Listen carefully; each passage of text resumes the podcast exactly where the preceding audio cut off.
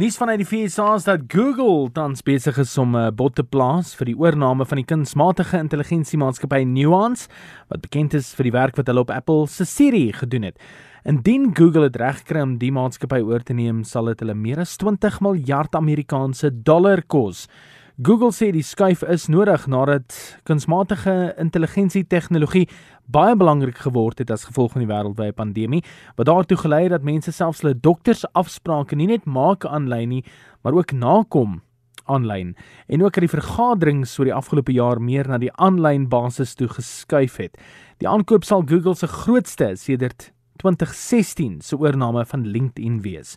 En dit was seker net 'n kwessie van tyd, maar Android is tans besig om te werk aan 'n ingeboude toepassing genaamd Heads Up wat die gebruiker van hulle fone in kennis sal stel om op te kyk terwyl hulle met die foon loop. Baie mense loop en tik en soek op die internet terwyl hulle uh, in die pad loop en dit is 'n gevaar vir die samelewing wat glo deur middel van die nuwe ingeboude Android toepassing vermy kan word. Dis nou as die gebruiker van die foon agslaan op die waarskuwing wat op die skerm sal verskyn.